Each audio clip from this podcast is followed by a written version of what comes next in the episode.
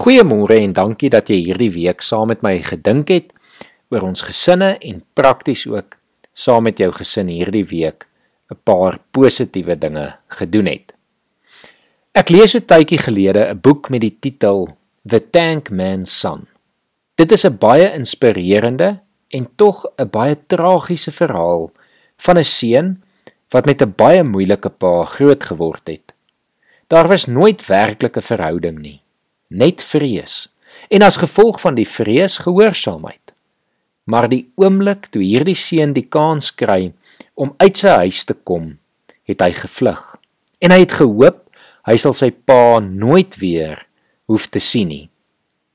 Jare later het hy op 'n besonderse wyse tot bekering gekom en meer as een keer sy getuienis met groepe mense gaan deel. By een so geleentheid het hy weer sy lewensverhaal vertel. Sy moeilike grootwordjare, sy aggressiewe pa en natuurlik ook hoe die Here hom uiteindelik gered het. 'n Ou man het agter in die saal gestaan en geluister. En na hy klaar gepraat het, het die ou man vorentoe begin stap. Toe die ou man voor hom kom staan, sien hy sy pa se oë. Sy pa kon vir hom daar jammer sê en hulle kon vrede maak. Vanoggend deel ek 'n laaste gedagte met jou. En dit is die gedagte van vergifnis en versoening teenoor die lede van jou huisgesin. Mense verhoudinge loop skeef. Dit is die lewe. Ons is menslik en gebroke. Maar ek wil jou tog vanoggend vra om indien moontlik die pad van vergifnis en uiteindelik die pad van versoening met jou gesin te begin stap. Gaan vra jou man of jou vrou of jou kinders om verskoning vir die dinge wat jy nie reg gedoen het nie. Vra hulle om jou te help om op 'n nuwe pad saam met jou te begin stap. Ek wil nie vanoggend onrealisties wees nie en ek weet menslike emosies maak hierdie nie altyd maklik nie. Ek weet ook dat daar dikwels 'n lang pad tussen vergifnis en versoening lê. Maar ek wil vandag vir jou vra om die eerste tree te gee. Vertrou die Here. Vra hom om deur sy gees jou by te staan en ook in die ander persone se harte te werk en dan kan die res begin gebeur.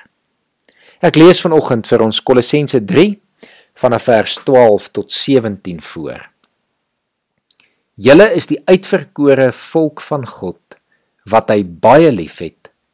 Daarom moet julle meelewend, goedgesind, nederig, sagmoedig en verdraagsaam wees. Wees geduldig met mekaar en vergewe mekaar as die een iets teen die ander het.